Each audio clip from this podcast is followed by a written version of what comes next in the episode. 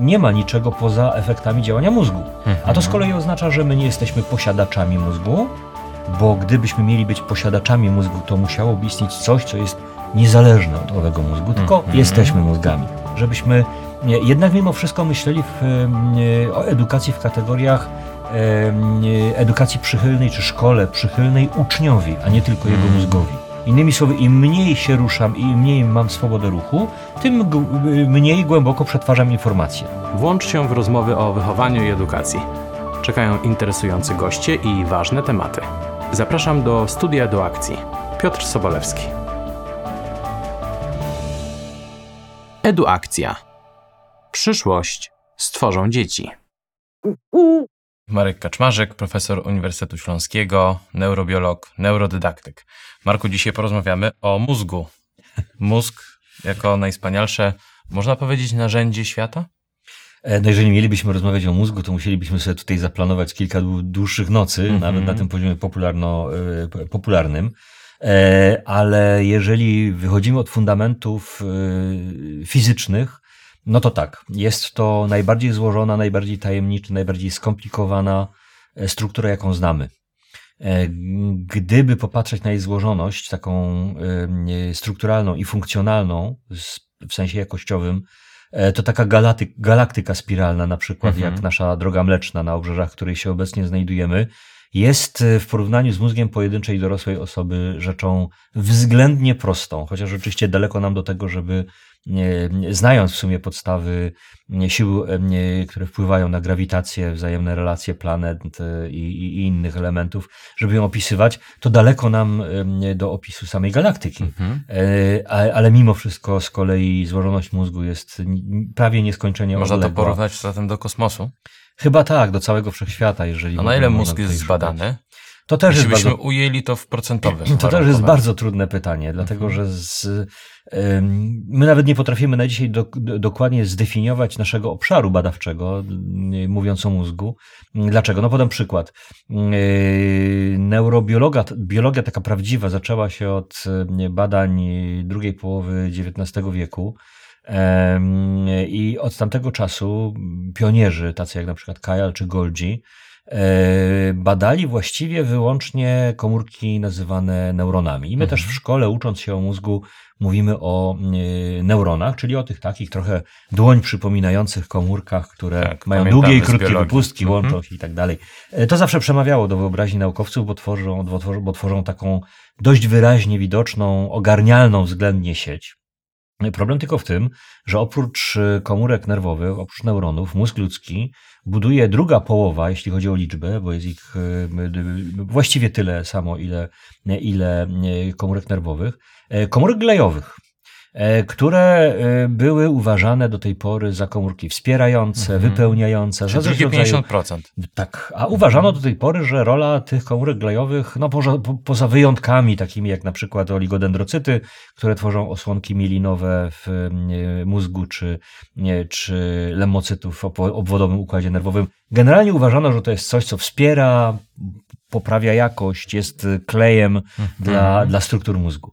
E, Natomiast ostatnie dziesięciolecia przyniosły e, ciekawe odkrycie. Mianowicie okazało się, że te komórki glejowe wcale nie są takie bierne, mają swoje potencjały błonowe, takie jak neurony, łączą się ze sobą i mają ogromny wpływ na to, jak działają neurony. A co to oznacza? Oznacza to, że przez 150 lat, czy po- powiedzmy z górą 100, zajmowaliśmy się do tej pory połową mózgu, a druga połowa jest kompletnie nieznana.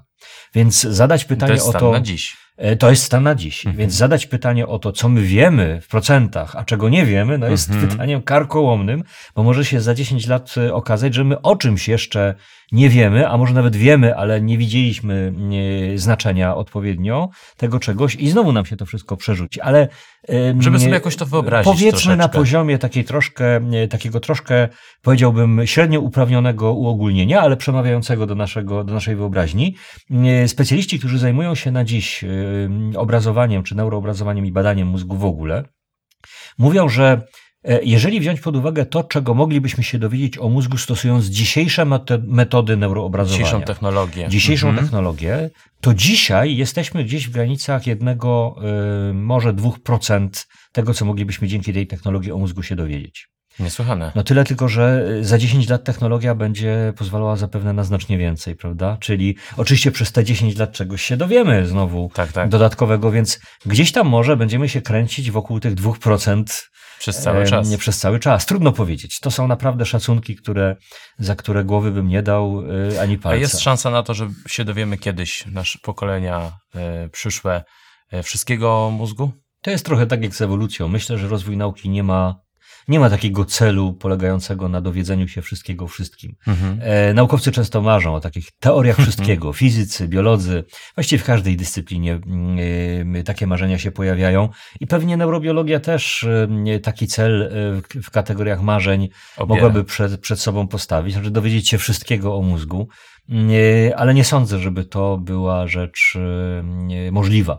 Zresztą ludzie zajmujący się cybernetyką, generalnie, czy, czy, czy też teoriami systemowymi, teorią Mhm, systemu, mhm. nie, powiadają, że, że to jest tak, e, jedno z podstawowych praw, które tam w tych dziedzinach e, funkcjonuje. E, Żeby przetworzyć informację o jakimś systemie, który chcemy poznać, to trzeba mieć do tego, czy dysponować do tego systemem przynajmniej o jeden rząd wielkości bardziej złożonym od tego, który przetwarzamy. A jak to Gardner w sieci Zofii gdzieś w wstępnej części książki e, pięknie napisał, my do e, analizy mózgów mamy tylko mózgi, e, e, więc aktualne jest takie zdanie, że gdybyśmy mieli mózgi na tyle proste, żeby można je było zrozumieć, to bylibyśmy z tego powodu na tyle głupi, żeby nam się nie mogło to udać. Okej. E, Czyli jesteśmy w punkcie zwrotnego. zero. No, może nie zero, ale no, stawia nam ograniczenia nieprz- nieprzekraczalne, prawda? Prawdopodobnie nigdy tak się nie stanie. Często w swoich wypowiedziach mówisz, e, publicznych i prywatnych, że e, no, nie mamy mózgów, tylko jesteśmy mózgami. Mhm, mhm. A dlaczego? No to jest takie podejście, które z perspektywy naukowca, z perspektywy neuronauk jest konieczne. Nie, A właściwie konieczne do tego, żeby racjonalnie i uczciwie mówić o, o mózgu i jego roli w, w naszym życiu. Em, Możemy oczywiście w kategoriach kartezjańskich mówić o dwóch rodzajach materii, rozciągłej i tej e, psychicznej. Mhm. Mm, e, Natomiast nauka e, potwierdzić i wypowiadać się może tylko na temat tej, którą Kartezjusz przyrównywał do mechanizmu zegarowego. I w tym kontekście, jeżeli myślimy w sensie neuronauk o umyśle, o świadomości, o jakichś mentalnych naszych funkcjach kognitywnych, poznawczych, związanych z uczuciami itd., itd., to myślimy ni- o nich w kategoriach pochodnych działania mózgu. Innymi słowy, w, tym, w tych naukach, w tych dyscyplinach mózg jest funkcją ośrodkowego układu nerwowego. Jest po prostu efektem jego, jego działania. E, A to oznacza, że no, nie ma niczego poza efektami działania mózgu. A to z kolei oznacza, że my nie jesteśmy posiadaczami mózgu, bo gdybyśmy mieli być posiadaczami mózgu, to musiałoby istnieć coś, co jest niezależne od owego mózgu, tylko Mhm. jesteśmy mózgami. E, To jest takie trudne na poziomie przyjęcia do wiadomości, bardzo mocno ogranicza nasz, nasze spojrzenie na człowieka, ale z drugiej strony nie, przyjęcie tego typu punktu widzenia moim zdaniem jest dosyć bezpieczne. Dlatego, że jeżeli ciągle popełniamy ten błąd kartezjański, to y, myśląc o sobie mamy takie wrażenie, że gdzieś tam w nas znajduje się w pełni racjonalny operator machiny, operator tej maszyny czy tego zegara. Zwanego prawda? mózgiem. Dokładnie. I on jest, y, on jest tym, on jest tym y, ja y, w- sensie bezpośrednio mi dostępnym. Jest oczywiście w pełni racjonalny, w pełni świadomy i zawsze wybiera to, co dla niego i dla jego najbliższych jest najistotniejsze. Oczywiście cała ta mach- maszyneria ciała, od hormonów poprzez układ krążenia i oczywiście sam mózg, miałaby czy mogłaby mu w tym przeszkadzać. Ale ponieważ jest od niej niezależny, mówię o tym nieporozumieniu, e, no to gdyby się bardzo postarał, to mógłby ją y, y, opanować. No a nie ma niczego e, groźniejszego, bardziej niebezpiecznego dla człowieka niż przyjęcie do wiadomości i upewnienie się e, w zdaniu, jeżeli się bardzo postarasz, to możesz osiągnąć wszystko. Stosowane lokalnie takie zdanie jest fajne, bo może nas do czegoś zmotywować, może Tak, tak. nas podnieść na duchu, jeżeli coś nam się nie udaje. Ale y, pomyśl o młodym na przykład człowieku, którego wszyscy dorośli będą przekonywać co do poprawności tego zdania. Nie tylko dorośli, ale cały świat. Cały świat na Jesteśmy w przykład. takiej kulturze Dokładnie, sukcesu. to prawda. Mhm. E, I takiej e, zależności losu od naszego działania, prawda? tylko. Takiego, tak. E, No więc wyobraź sobie młodego człowieka, który jest do tego głęboko przekonany, jednocześnie czuje, że jego najbliższym zależy na przykład na wysokiej sprawności językowej w języku Mhm. obcym. Z jakiegoś powodu jego mózg no, obiektywnie nie jest w stanie osiągnąć pewnych kompetencji na pewnym poziomie. E, Niemniej jednak to zdanie y, podpowiada młodemu człowiekowi, że jak się postara, to może wszystko. Tak. Ten młody człowiek robi wszystko, co możliwe, czyli poświęca każdą wolną chwilę na to, żeby się Mhm. tego języka uczyć. Robi wszystko, co mu podpowiadają dorośli, a jednocześnie nie osiąga tego, e, tego czegoś na poziomie, który by zadawalał owych dorosłych i tego młodego czeka, bo on sobie wyznaczył na, tym, na tej podstawie jakieś cele. E, No to jeżeli cały świat przekonany jest do tego, że jest tak, jak jest, czyli jeżeli dobrze się postarasz, to możesz wszystko, no to z kim jest coś nie tak w obrazie mm, świata tego młodego człowieka? Z nim. Z nim samym. No i to jest prosta droga do frustracji, frustracja do przedłużającego się stresu, stres do zaburzeń psychicznych, a w konsekwencji być może do chorób psychicznych. No ale czy to nie jest tak, że jednak starania i zaangażowanie nie determinują naszych działań, Nie a to w skutku nie, nie determinują, nie determinują, co nie znaczy, że nie mają wpływu. Mhm. Bo my jesteśmy y, też takimi istotami, które lubią myśleć w kategoriach zero-jedynkowych. Mhm. Albo coś ode mnie zależy w 100%, albo, Albo w, w ogóle ogóle. ode mnie nie zależy.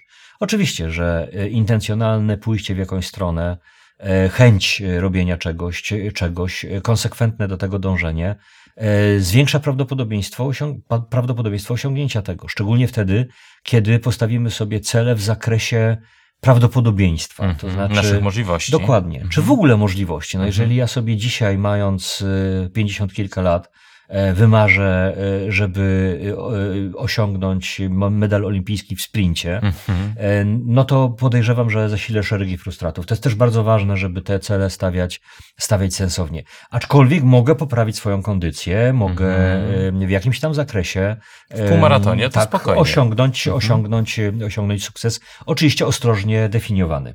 No więc mam wpływ, ale oczywiście nie mam wpływu, wpływu absolutnego. W tym rozumieniu my wpływ rzecz jasna mamy.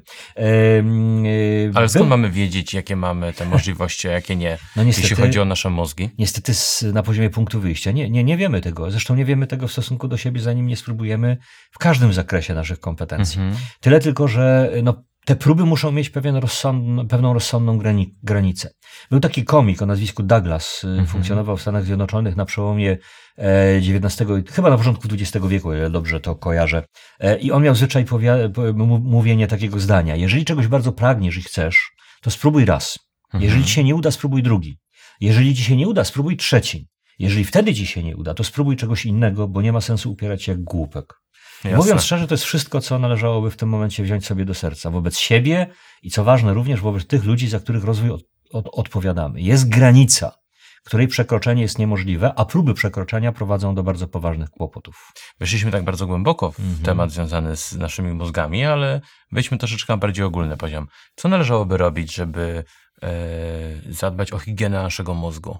Często mnie o to ludzie pytają i często z, z, zadają pytanie takie już e, d, dokładniejsze, czy jest jakiś rodzaj diety na przykład, tak, Mhm. która sprzyja wyjątkowo rozwojowi, e, rozwojowi mózgu, czy też jest jakiś rodzaj postępowania, czy jakiś rodzaj sportu, który by Mhm. wyjątkowo mózgowi, e, mózgowi sprzyjał. Ale patrząc na mózg jako narząd holistycznie, czyli tak jak ja to zwykle robię, czyli widząc go przez pryzmat tego, że jest po prostu częścią większej, większej całości. Mhm. Mózg nie jest jakąś izolowaną strukturą mającą konkretne, izolowane wymagania, tylko jest częścią naszego, naszego ciała.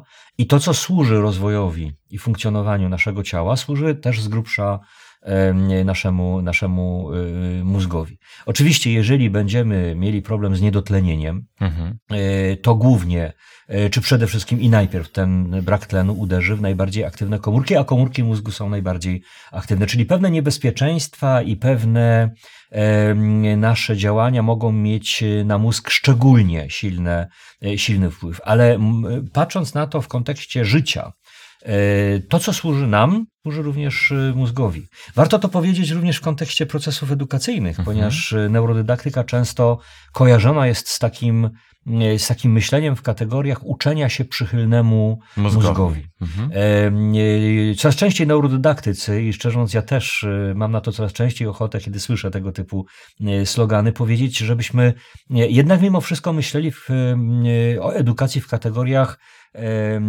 edukacji przychylnej, czy szkole przychylnej uczniowi, a nie tylko jego Mhm. mózgowi. Mhm. Ale co masz na myśli dokładnie? No to, mówiąc? że tak jak mówię, my często marzymy o tym, żeby przyspieszyć e, e, czy usprawnić działanie jakichś określonych funkcji Mhm. e, układu nerwowego, na przykład systemów uwagowych, przykuwamy tą Pamięci, uwagę, tak. powodując jednocześnie na przykład, żeby tego młodego człowieka nie, nie, nie dezorganizował w tym zakresie, czyli że nie odwracał jego uwagę ruch.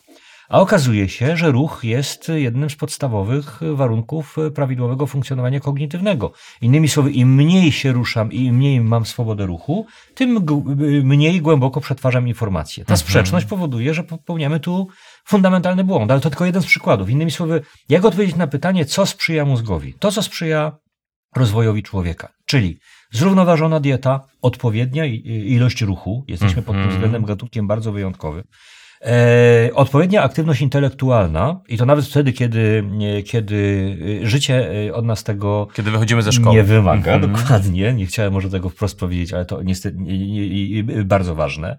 Czyli nawet jeżeli zakończyliśmy karierę zawodową, nawet jeżeli, jeżeli y, ten tryb codzienności nie wymagałby od nas intelektualnej aktywności, jesteśmy już w podeszłym wieku, warto zadbać o to, żeby Mhm. tą aktywność intelektualną na poziomie czytania, gry w szachy, sudoku, tysięcy możliwości, oczywiście dobranych do tego, co nam, co nam odpowiada, odpowiada e, żeby to, ten trening mózgu e, e, uprawiać. E, I wymieniam to na ostatniej pozycji, ale myślę, że nie jest to godna pozycja. Dbajmy o kontakt z innymi ludźmi. Mhm. Naszym mózgom kontakt z drugim człowiekiem jest potrzebny jak powietrze i pokarm.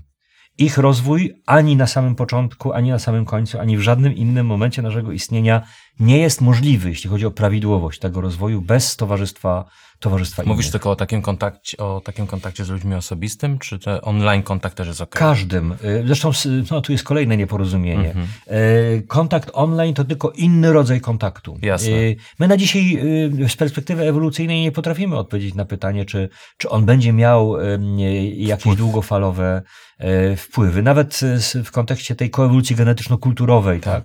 też tego nie wiemy, bo za krótko jesteśmy z tą technologią. Ale to jest rodzaj kontaktu, jeżeli Jeżeli bym był e, postawiony przed koniecznością odpowiedzi na pytanie, co jest lepsze, kontakt bezpośredni czy zapośredniczony, to odpowiedziałbym, że oczywiście bezpośredni, ale dlaczego bym tak odpowiedział? Dlatego, że mamy więcej doświadczeń potwierdzających tą tezę z Mhm. naszej przeszłości ewolucyjnej. Jasne. Dlatego ona jest dzisiaj tezą, którą by można postawić na pierwszym miejscu. W temacie intelektualnego rozwoju, y, to zgadzasz, czy zgadza, zgadzasz się z takim stwierdzeniem, że im dłużej człowiek rozwija się intelektualnie, y, w każdym etapie jego rozwoju, tym ma większe szanse na dłuższe i szczęśliwsze życie? Hmm, ciekawe pytanie. Nie wiem, czy dobrze go rozumiem, Mhm. bo e, co to znaczy im dłużej się rozwija? E, Rzecz w tym, że nasz Inaczej, czy w ogóle jak stosuje jakieś intelektualne wyzwania? A, rzeczywiście, to Mhm. y, mózg też nie różni się tutaj niczym od y, innych części naszego ciała. Jeśli chcemy rozwinąć mięśnie, wiemy, że musimy ich używać, prawda? Mhm. Jeżeli chcemy rozwinąć potencjał intelektualny, jest oczywiste, że musimy go wykorzystywać. To jest jasne. Natomiast y, y, dosyć niebezpieczne y, jest myślenie o y, kompetencjach czy też rozwoju mózgu w kategoriach takich, y, filozofowie powiedzieliby, teologicznych, Mhm. czyli e, celowych e, Mhm. czy docelowych.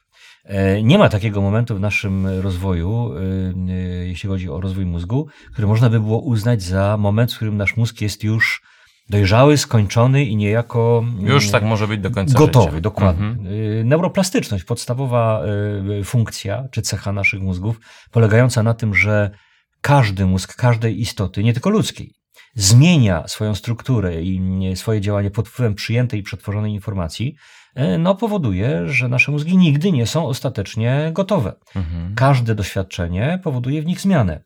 Każda e, reakcja w danej chwili jest funkcją wszystkich doświadczeń do tej pory.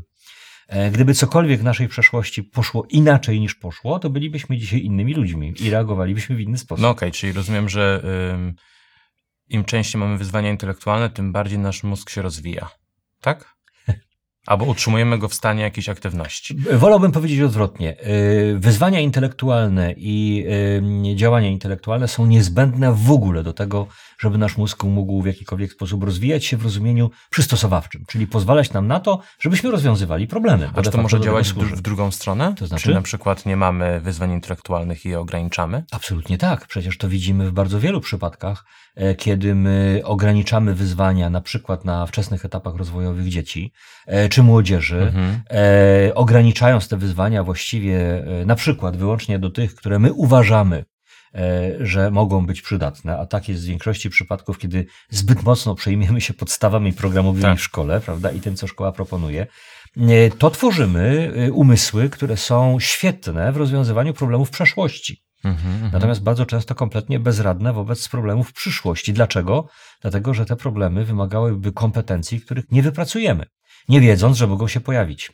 A to z kolei oznacza, że rozwojowi młodych ludzi trzeba zostawić pewien margines, do którego my się wtrącać nie będziemy. To jest bardzo uciążliwe, ponieważ ci młodzi ludzie, szczególnie w okresie adolescencji, mają pomysły przedziwne i nie Mhm. zawsze dla nich bezpieczne. Prawda? Jasne.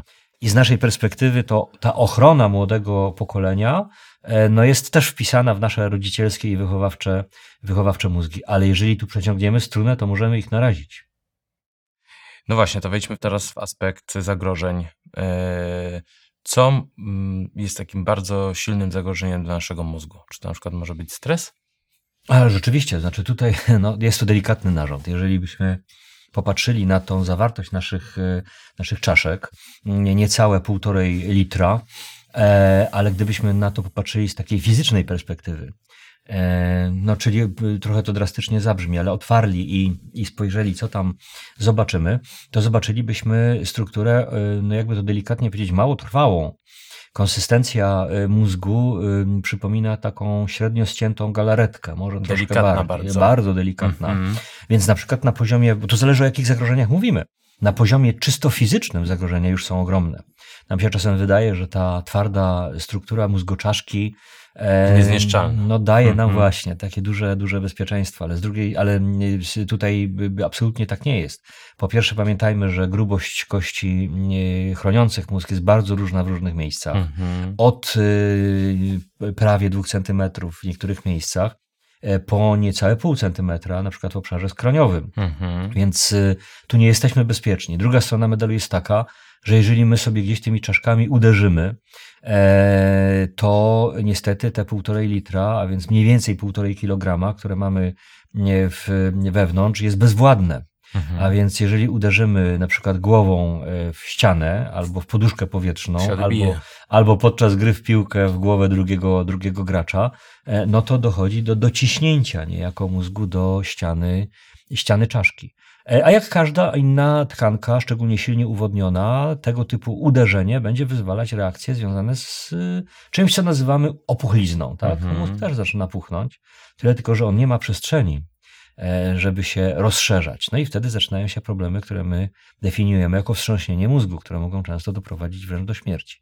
Więc zagrożenia fizyczne są Z ogromne. poziomu fizycznego, a z takiego Mhm. niewidocznego, a wpływającego na nas? No to oczywiście wszelkiego rodzaju bardzo intensywne przeżycia emocjonalne, em, które na przykład generują stres, szczególnie ten stres, który specjaliści nazywają dystresem, Mhm. albo inaczej stresem fazy podwzgórzowej. Kiedy rzeczywiście cały nasz układ limbiczny powoduje bardzo złe samopoczucie. To jest to drżenie rąk, to jest ta niemożliwość myślenia o niczym sensownym, to jest ten brak dostępu do pamięci długotrwałej. To ten stres jest już bardzo niebezpieczny. Nie tylko niebezpieczny z perspektywy tego, co potrafimy czy nie potrafimy zrobić, e, ale również z perspektywy zdrowia. Mhm. Obciąża nasz układ odpornościowy, obciąża wiele struktur naszego mózgu, nieodwracalnie czasami zmieniając je albo uszkadzając. Takie struktury jak hipokamp, takie struktury jak e, struktury związane z regulacją nastroju, e, układu nagrody, czy też odwrotnie, struktur odpowiedzialnych za ból, unikanie, ucieczkę, takich jak Mhm. wyspa czy ciała migdałowate. E, Stany zresztą związane z takimi skrajnymi reakcjami mózgu na stres mogą być niebezpieczne też na poziomie społecznym. Każdy z nas zna sytuację, w której rozmawiając, no, nazwijmy to rozmową, z kimś, kto mm, no, ma inne poglądy na pewne sprawy niż my, mam na myśli kłótnie po prostu, No nazwijmy jasne. to po imieniu, Polityczna. E, na przykład e, dochodzimy do takiego momentu, kiedy nasz e, rozmówca trafi w nasz czuły punkt. No, Mhm. e, wcześniej czy później, jeżeli, e, jeżeli e, temperatura rozmowy idzie w stronę tą właściwą, mówię, znaczy niewłaściwą, mówię o kłótni, to wyłącza nam się stopniowo kora przedczołowa, czyli ta, która nas tam troszeczkę czyni Hamuje. ludźmi, hamuje, dokładnie. No i wtedy nasz rozmówca może użyć argumentów osobistych, Często nam się to zdarza. A jeżeli nas zna, no to trafi w taki punkt, który bardzo boli. Nie wiem, czy zauważyłeś, że kiedy taka kłótnia w tym miejscu się zdarzy, e, to ty zostajesz praktycznie niemy. E, dzieje się coś takiego dziwnego z nami, że ten poziom stresu i emocji, który Jakbyśmy nie przeżywamy, byli w stanie uwierzyć, że ktoś taki argument wysunie e, wobec nas. nawet nie to mam na myśli. My praktycznie przestajemy mieć możliwość udzielenia jakiejkolwiek riposty. Mhm. Stoisz naprzeciwko tego człowieka i zamiast się odciąć odpowiednio silnie i bezwzględnie, łapiesz tylko powietrze jak rybka i nie potrafisz wydusić z siebie słowa.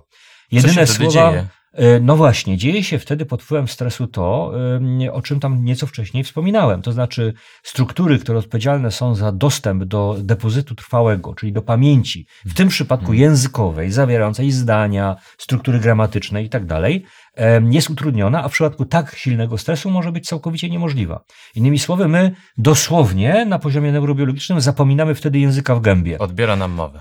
odbiera nam mowę, dokładnie. I ten y, zwycięzca, oczywiście nie będący Mhm. zwycięzcą, odwraca się napięcie i dumny odchodzi, że nas, y, że nas pognębił, powiedzmy sobie, to już skrajność, ale powiedzmy, że czasem się zdarza. E, tylko zwróćcie uwagę, co się dzieje po chwili.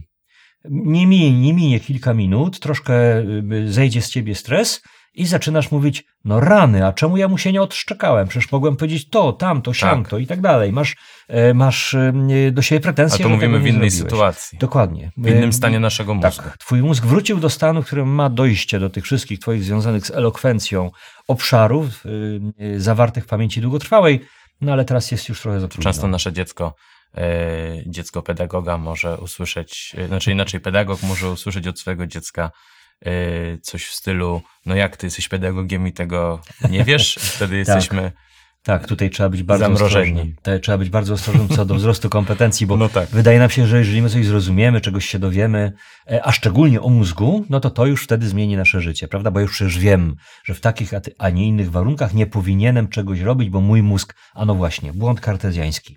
Gdyby Kartezjusz miał w pełni rację i byliśmy takimi właśnie niezależnymi od mózgu bytami, to bylibyśmy, bylibyśmy w stanie w każdej sytuacji tą wiedzę zastosować. Ona nam może coś wyjaśnić, Ale za nas nic trzeba ale nie za nas zrobi. niczego nie załatwi. Okej, y, temat mózgu jest, no, jak sam powiedziałeś na samym początku, tak szeroki i tak głęboki jak sam kosmos, natomiast y, my dzisiaj przelecieliśmy trochę po, te, po tematyce związanej z mózgiem. Y, a co dla ciebie jest takiego najbardziej fascynującego w mózgu, takim słowem podsumowania?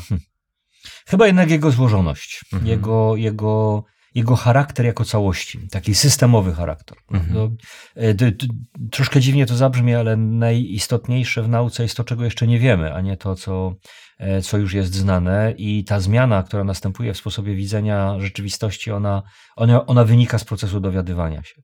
E, No a ponieważ nie ma chyba obiektu, o którym wiemy mniej niż nasz własny mózg, to jest to z tej perspektywy fascynujące. Z drugiej strony, stopniowe poznawanie tego narządu daje nam coraz większy wgląd w to, co możliwe, a co niemożliwe i w jakieś granice oczekiwań, które często jako dydaktyka z kolei, czy jako pedagoga, jako nauczyciela, może tak y, mhm. powinien sobie powiedzieć, bo, bo, bo, bo tak to chyba widzę, e, może być wartościowe. E, I może nam pozwolić na coś, co dzisiaj jest nieuniknione i konieczne, czyli na takie racjonalne, stopniowe, ewolucyjne zmiany wprowadzane, wprowadzane w, z tym, w tym zinstytucjonalizowanym mm, e, objawie procesu edukacji, jakim jest szkoła. Super, dzięki wielkie za Dziękuję również. Serdecznie dziękuję wszystkim słuchającym. Im jest nas więcej, tym więcej mamy wiedzy i empatii dla dzieci, młodzieży, no i siebie nawzajem. Dlatego zapraszam Was do subskrybowania kanału Eduakcji, akcji nauczycieli, opiekunów i rodziców. Jak nas znaleźć? Wpisujcie w serwisach podcastowych w wyszukiwarkę Eduakcja lub od razu wchodźcie na stronę www.edu-akcja.pl eduakcja.pl, gdzie znajdziecie podcasty, blog i szkolenia. Jesteśmy też na Facebooku i na Instagramie. Małpeczka, program Eduakcja. Eduakcja. Przyszłość stworzą dzieci. Do usłyszenia w kolejnym odcinku. Porozmawiamy wtedy o. Sami sprawdźcie. Do usłyszenia. Piotr Sobolewski.